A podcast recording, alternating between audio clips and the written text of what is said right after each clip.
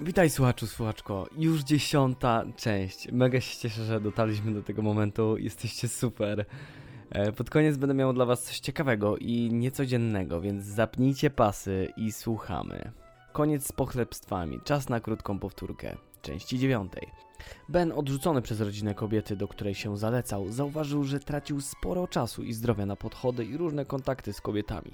Natomiast dłuższa znajomość z rodziną pan Reed powiązały ich ze sobą. Klub Junto zaczął zbierać się w gospodzie, gdzie zebrali tam wszystkie swoje książki. W tym czasie Ben zaczął projekt biblioteki z prenumeratą, co później rozrosło się na szerszą skalę i zadziałało na tubylców, czyniąc ich bardziej inteligentnymi i oczytanymi. Później Ben czyta listy od Abla Jamesa, który pochlebiał jego żywotowi oraz namawiał do publikacji swojego życiorysu w postaci autobiografii, by młodzi ludzie inspirowani jego historią stali się oczytani oraz oszczędni. Kolejny list otrzymał od Benjamina Vogana, komplementujący osobę Franklina oraz również namawiający do wydania autobiografii. A teraz Max Frost zaprasza do części dziesiątej.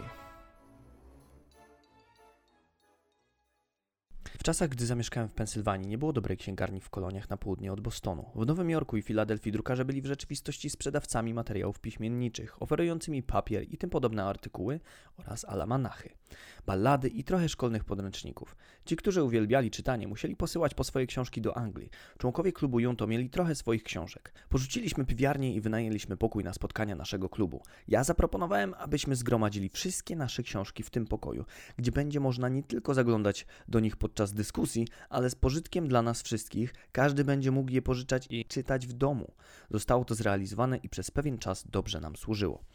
Dostrzegając zalety takiej małej kolekcji, zaproponowałem większe rozpowszechnienie tego pomysłu poprzez stworzenie publicznej biblioteki prenumerowanej.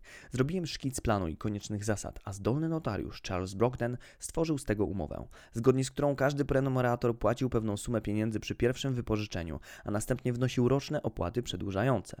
W tym czasie w Filadelfii było tak mało osób czytających, a większość z nas była tak biedna, że pomimo wielkich moich starań nie udało się znaleźć więcej niż 50 osób, głównie młodych kupców gotowych zapłacić na początku 40 szylingów, a później wnosić 10 szylingów rocznie. Z tym malutkim kapitałem rozpoczęliśmy działalność. Książki zostały sprowadzone, biblioteka była otwarta przez jeden dzień w tygodniu, aby wypożyczać prenumeratorom książki za poręczeniem zapłaty dwukrotności ich wartości w przypadku nieoddania w terminie. Instytucja ta szybko wykazała swoją wielką pożyteczność i znalazła dużo naśladowców w innych miastach i innych prowincjach. Biblioteki powiększały się dzięki darowiznom, czytanie stało się modne, a nasi klienci z braku innych rozrywek mogących ich zająć dokładnie studiowali książki. Kilka lat później przyjeżdżający ludzie obserwowali, że nasi mieszkańcy są lepiej oczytani i bardziej inteligentni niż podobne klasy społeczne w innych krajach. Kiedy mieliśmy podpisać wspomniane wcześniej zapisy wiążące nas i naszych spadkobierców na 50 lat, pan Brogden, pisarz miejski, powiedział nam: Jesteście młodymi ludźmi, jednak to mało prawdopodobne, aby którykolwiek z was dożył do upłynięcia tej umieszczonej tutaj daty zobowiązania. Wielu z nas ciągle żyje, jednak zobowiązania zostały przekształcone i przeniesione do stale działającej instytucji. Zastrzeżenia i obiekcje, z którymi spotykałem się przy pozyskiwaniu prenumeratorów, spowodowały, że dostrzegłem niewłaściwość osobistego występowania z użytecznymi projektami, gdyż może to być odbierane jako wywyższanie się ponad sąsiadów, a przecież do realizacji projektów potrzebne jest ich poparcie. Od tego czasu starałem się trzymać jak najbardziej w cieniu i przedstawiałem wszystko jako projekt grupy przyjaciół, którzy poprosili mnie, abym zwrócił się do tych, którzy uważali się za miłośników czytania. W ten sposób załatwienie spraw szło znacznie lepiej i stosowałem tą metodę przy podobnych okazjach i sądząc po moich sukcesach mogę ją zarekomendować z całego serca. Rezygnacja z pewnej dozy własnej próżności zostanie potem wynagrodzona. Jeśli nie wiadomo komu należą się zasługi, zawsze znajdzie się ktoś bardziej próżny, kto je sobie przypisze. Wtedy nawet zazdrość będzie skłonna oddać Ci sprawiedliwość i pozbawić zaszczytów tych, którzy je sobie sami przypisali. Biblioteka ta pozwalała mi ciągle się samodoskonalić, na co poświęcałem godzinę lub dwie każdego dnia i w ten sposób nadrobiłem w pewnym stopniu straty w wykształceniu, które przewidział dla mnie kiedyś ojciec. Czytanie było jedyną rozrywką, na jaką sobie pozwalałem. Nie spędzałem czasu w gospodach, na grach, a moje interesy ciągle się rozwijały. Drukarnia była ciągle zadłużona, a ja miałem dzieci, które będą potrzebowały edukacji. Musiałem konkurować z dwoma drukarniami założonymi w mieście przed moją. Jednak moje warunki polepszały się z dnia na dzień. Ciągle posiadałem swoją skłonność do oszczędzania. Mój ojciec, między instrukcjami dawanymi mi, gdy byłem małym chłopcem, często powtarzał przysłowie Salomona. Mąż pilny w zawodzie stanie przed królami, nie stanie przed nikczemnikiem. Już od tych czasów uważałem, że wykonywanie swojego zawodu jest tylko środkiem do zdobycia pieniędzy i pozycji, co stało się moją stałą zachętą do pracy, chociaż nigdy nie sądziłem, że w rzeczywistości stanę przed królami, co jednak później się wydarzyło. Stanąłem przed pięcioma królami, a nawet byłem na obiedzie z królem Danii. Mamy takie angielskie przysłowie mówiące: Ten, który chce mieć powodzenie, musi pytać swoją żonę. Ja miałem w tej materii duże szczęście, gdyż moja żona była równie przedsiębiorcza i oszczędna co ja. Pomagała mi bardzo chętnie w drukarni, składając i zszywając broszury, nadzorując sklep, nabywając szmaty dla wyrabiających papier i robiąc wiele podobnych rzeczy. Nie mieliśmy żadnej zbędnej służby. Nasz stół był prosty i skromny. Meble były z tych najtańszych. Dla przykładu, moje śniadanie przez długi czas składało się z chleba i mleka, bez herbaty, i spożywałem je z kosztującej dwa pensy glinianej miski cynową łyżką. Jednak luksus potrafi wciskać się do domu wbrew wszelkim zasadom. Pewnego dnia zostałem zawołany na śniadanie i otrzymałem je w porcelanowej misce ze srebrną łyżeczką. Moja żona nabyła je dla mnie bez mojej wiedzy, płacąc za nie olbrzymią sumę trzech szylingów i dwudziestu pensów, na co nie miała innego wytłumaczenia jak tylko to, że według niej jej mąż zasługuje na srebrną łyżeczkę i miskę z porcelany, tak samo jak wszyscy nasi sąsiedzi. To był pierwszy raz, gdy w naszym domu pojawiła się porcelana, która z biegiem lat i wzrastania naszej zamożności stopniowo pojawiała się w takiej ilości, że była w końcu warta kilkaset funtów. Zostałem wychowany jako prezbiterianin i niektóre z ich dogmatów, takie jak wiekuiste istnienie Boga, nauka o wybranych i potępionych i tym podobne, wydawały mi się niezrozumiane, inne znowu wątpliwe – i wcześniej przestałem bywać na publicznych spotkaniach wiernych, a niedziela stała się moim dniem nauki, jednak nigdy nie wyzbyłem się pewnych religijnych zasad. Nigdy nie wątpiłem w istnienie Boga, w to, że stworzył On świat i włada nim poprzez swoją opatrzność, że najlepiej można służyć Bogu służąc drugiemu człowiekowi, że nasze dusze są nieśmiertelne i w to, że zostaną ukarane, a wszystkie dobre zostaną wynagrodzone, w tym lub w przyszłym świecie. Uważałem te punkty za najważniejsze dla każdej religii i ponieważ można je odnaleźć we wszystkich występujących w kraju religiach, szanowałem wszystkie te religie. Chociaż w różnym stopniu, gdyż były one zazwyczaj wymieszane z innymi zasadami, które są pozbawione żadnego znaczenia dla inspirowania nas, zachęcania nas i wzmacniania naszej moralności, a służą tylko do dzielenia i stawiania się nieprzyjacielem dla innych. Ten szacunek dla wszystkich religii zgodnie z opinią i że najgorsza z nich ma swoje dobre strony, pozwolił mi uniknąć wszelkich dysput mogących zmniejszyć czyjąś religijność. Ponieważ ciągle rosła liczba ludności naszej prowincji, ciągle potrzebne były nowe miejsca modlitwy, budowane głównie z dobrowolnych składek ludności, więc nigdy nie odmawiałem przekazania mojego datku, niezależnie od tego, jakie odłam religijny o to prosił.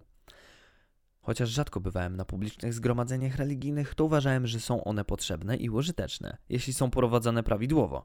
Płaciłem więc regularnie moją roczną składkę na utrzymanie jedynego prezbiteriańskiego duchownego i miejsca spotkań, jakie mieliśmy w Filadelfii. Czasami odwiedzał mnie on jako przyjaciel i przypominał mi, że powinienem uczęszczać na jego nauki, co od czasu do czasu robiłem, chodząc tam co piątą niedzielę. Gdyby był on w mojej opinii dobrym kaznodzieją, może bywałbym tam częściej, pomimo tego, że niedziela była dniem mojej nauki. Jednak jego wykłady miały zazwyczaj charakter polemik lub objaśnień poszczególnych doktryn naszej sekty i dla mnie były słabe, nieinteresujące i niebudujące, gdyż żadna zasada moralna nie była na nich wpajana i utwierdzana. Służyły one bardziej do czynienia nas prezbiterianami niż po prostu dobrymi ludźmi. Kiedyś pastor omawiał wyjątek z czwartego listu do Filipian. W końcu, bracia, wszystko, co jest prawdziwe, co godne, co sprawiedliwe, co czyste, co miłe, co zasługuje na uznanie, jeśli jest jakąś cnotą i czynem chwalebnym, to miejcie na myśli. Myślałem, że w kazaniu dotyczącym takiego tekstu nie da się mówić o moralności, jednak pastor pozostał tylko przy pięciu punktach wskazanych przez apostoła, to jest 1. Święcenia szabatu 2. Pilnego studiowania Pisma Świętego 3. Regularnego uczęszczania na nabożeństwa 4. Przyjmowanie Komunii Świętej. 5. Oddawanie stosownego szacunku sługom Bożym. Są to może słuszne rzeczy, ale nie takich spodziewałem się po tym tekście. Straciłem więc nadzieję na usłyszenie o innych rzeczach, zniechęciłem się i przestałem uczęszczać na jego kazania. Parę lat wcześniej użyłem coś w rodzaju krótkiej liturgii, czy też jakiejś formy modlitwy na mój prywatny użytek w 1728 roku. Nazwałem ją Przedmiot wiary i akty religijne. Powróciłem więc do jej używania i więcej nie uczęszczałem na publiczne spotkania religijne. Moje postępowanie być może było godne potępienia. Zostawię to jednak i nie będę się próbował dalej tłumaczyć. Staram się bowiem przytaczać tutaj fakty, nie zaś za nie przepraszać. Mniej więcej w tym samym okresie powziąłem śmiały i mozolny projekt dążenia do mojej moralnej perfekcji. Zamierzałem żyć bez popełniania żadnych grzechów. Chciałem pokonać wszelkie naturalne skłonności, zwyczaje lub towarzystwo ciągnące mnie do grzechów. Ponieważ wiedziałem, a właściwie uważałem, że wiem, co jest dobre, a co złe, nie widziałem powodu, dla którego nie miałbym zawsze wybierać jednego, a unikać drugiego. Szybko jednak pojąłem, że zabrałem się za sprawę znacznie trudniejszą niż mi się wydawało. Podczas gdy byłem zajęty obroną przed jednym złem, często byłem zaskakiwany innym. Nawyki brały górę nad zamiarami. Skłonności były często silniejsze od rozumu.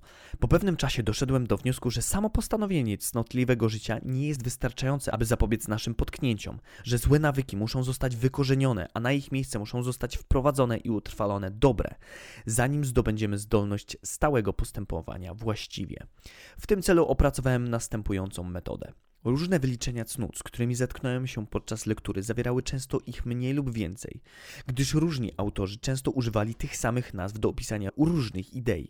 Umiarkowanie na przykład u jednych dotyczyło tylko jedzenia i picia, a u innych obejmowało wszelkie przyjemności takie jak apetyt, skłonności lub pasje zarówno cielesne jak i duchowe, a nawet chciwość i ambicje. Ja postanowiłem używać dla większej jasności dużej liczby nazw dla określenia mniejszej liczby pojęć z nim związanych. Zgromadziłem więc pod trzynastoma nazwami wszystkie cnoty, które wydawały mi się konieczne lub pożądane i zaopatrzyłem je w krótkie objaśnienie dotyczące ich znaczenia. Oto te nazwy cnót i ich objaśnienia. Pierwsza. Umiarkowanie. Nie jedz do otępienia i nie pij do podniecenia. 2. Milczenie. Mów tylko wtedy, gdy przynosi to pożytek tobie lub innym. Unikaj próżnych rozmów. 3. Porządek. Niech wszystkie twoje rzeczy mają swoje miejsce. Niech wszystkie twoje zajęcia mają swój czas. 4. Postanowienia. Postanawiaj czynić to, co powinieneś. Wykonuj bez błędów to, co postanowiłeś. 5. Oszczędność. Czyń tylko te wydatki, które są dobre dla ciebie lub innych, czyli nie marnuj niczego. 6. Pracowitość. Nie trać czasu. Zawsze rób coś pożytecznego. Porzuć wszelkie bezproduktywne zajęcia. 7. Szczerość. Nie zniżaj się do krzywdzącego oszustwa. Myśl niewinnie i sprawiedliwie, jak mówisz. Mów podobnie. 8. Sprawiedliwość. Nie czyń zła, krzywdząc kogoś lub odmawiając mu korzyści, do których jesteś zobowiązany. 9. Powściągliwość. Unikaj krancowości i nie odczuwaj krzywd, tak jak ci się wydaje, że powinieneś. 10. Czystość. Nie toleruj żadnej nieczystości, ani cielesnej, ani ubrania, ani miejsca zamieszkania. 11. Spokój. Nie denerwuj się drobiazgami, sprawami powszechnymi i takimi, których nie sposób uniknąć. 12. Surowość cielesna. Rzadko korzystaj ze swojej płciowości, wyłącznie dla zdrowia lub potomstwa, nigdy do otępienia, słabości lub naruszenia reputacji swojej lub innej osoby. 13. Pokora. Naśladuj Jezusa i Sokratesa. Zamiarem moim było nabycie przyzwyczajenia do stosowania wszystkich tych cnót. Uważałem, że lepiej będzie nie rozpraszać uwagi wszystkimi naraz, tylko skupiać się kolejno na pojedynczej cnocie i gdy już ją opanuję, przejść do następnej i tak aż do osiągnięcia wszystkich trzynastu. Ponieważ nabycie pewnych cnót powinno ułatwić osiąganie kolejnych, dlatego ułożyłem je w takim porządku, jak powyżej. Umiarkowanie na początek, gdyż zapewnia jasność i spokój w myśleniu, które są potrzebne do zachowania stałej czujności i obrony przed nawrotami starych przyzwyczajeń i wiecznie nęcących pokus. Jeśli to zostanie osiągnięte i utrwalone, milczenie będzie znacznie łatwiejsze. Równocześnie z praktykowaniem cnót pragnąłem także nabywać wiedzę, a uważając, że w rozmowie nabywa się ją raczej słuchając niż mówiąc, starałem się zwalczać nawyki gawędzenia, dowcipkowania i żartowania, gdyż to przysparzało mi próżniaczych słuchaczy. Dlatego milczenie umieściłem na drugim miejscu. To i następny, porządek, powinny zapewnić mi więcej czasu na moje projekty i naukę. Postanowienie raz przyjęte za zwyczaj powinno pozwolić wytrwać w osiąganiu kolejnych cnót. Oszczędność i pracowitość, uwalniając mnie od moich ostatnich długów i zapewniając dostatek oraz niezależność. Ułatwiły mi praktykowanie szczerości i sprawiedliwości itd., uznając za słuszną radę Pitagorasa z jego złotych wierszy, że konieczna jest codzienna samokontrola. Opracowałem w tym celu poniższą metodę. Przygotowałem niedużą książeczkę, w której przeznaczyłem po jednej stronie na każdą cnotę. Każdą stronę przy pomocy czerwonego atramentu podzieliłem na 7 kolumn oznaczonych literami dla każdego dnia tygodnia. Następnie podzieliłem kolumny 13 liniami, oznaczając je literami cnót i zaznaczyłem kropką w odpowiedniej kratce każde moje niepowodzenie w praktykowaniu cnót, które wykryłem podczas analizowania każdego dnia. Postanowiłem w każdym tygodniu skupić się na jednej kolejnej cnocie. Tak więc w pierwszym tygodniu skoncentrowałem się na niepopełnianiu wykroczeń przeciwko umiarkowaniu, pozostawiając pozostałe rzeczy zwykłemu biegowi, tylko wieczorami odnotowując popełniane w nich błędy. Jeśli więc w pierwszym tygodniu mogłem utrzymać pierwszą linię oznaczoną U wolną od kropek, uważałem, że nawyk tej cnoty jest tak ugruntowany, a jej przeciwieństwa tak osłabły, że mogę rozszerzyć moją uwagę na kolejną i w następnym tygodniu utrzymać obie rubryki puste. Postępując tak kolejno, mogłem przejść cały cykl w ciągu 13 tygodni i odbyć cztery takie cykle w ciągu roku. Czynić tak samo jak ktoś, kto ma ogród i musi pozbyć się z niego wszelkich chwastów. Nie wyrywa wszystkich naraz, gdyż przekroczyłoby to jego siłę i możliwości, tylko wrywa je z jednej grządki, przechodząc kolejno do następnych, tak samo jak ja czyniłem. Miałem nadzieję na wielką radość z dostrzegania postępów i kolejnych wolnych kratek, aż do całkowicie czystej strony po 13 tygodniach codziennej samokontroli. Moi drodzy, dzięki Wam za słuchanie dziesiątej już części Benjamina Franklina i jego autobiografii. A że akurat miałem Was czymś zaskoczyć, no to przygotowałem specjalnie quiz Google Sheets, który mógłby pomóc Wam sprawdzić, czy uważnie czytacie tą książkę, czytacie, słuchacie. Więc e, mam nadzieję, że będziecie mieli dużo frajdy z rozwiązywania tego quizu i że będziecie mieli 100%. Oczywiście ten quiz można zrobić no, najlepiej jak najszybciej, bo może będą jakieś przyszłe, jak będzie dobry i pozytywny odzew. E, w każdym razie można sobie sprawdzić swoją wiedzę, można słuchać w trakcie robienia tego quizu. To mniej więcej ma też e, zachęcić Was do słuchania uważnego, bo na tym mi zależy. Bo filozofie, które wyznaje Benjamin Franklin i te wszystkie jego przekazania na mnie działają i rzeczywiście e, czuję, że moje życie trochę się zmieniło. E, I mam nadzieję, że Wasze też. Także dzięki jeszcze raz za słuchanie. Zapraszam na stronę Max Frost. Proszę zalajkować. Tam również będzie opublikowany ten odcinek razem z quizem. Także dzięki Wam za to, że powoli zaczynacie się budzić do tego, żeby e, tworzyć taką społeczność benjaminową. E, troszkę mi na tym zależy i na tym, aby promować filozofię Benjamina.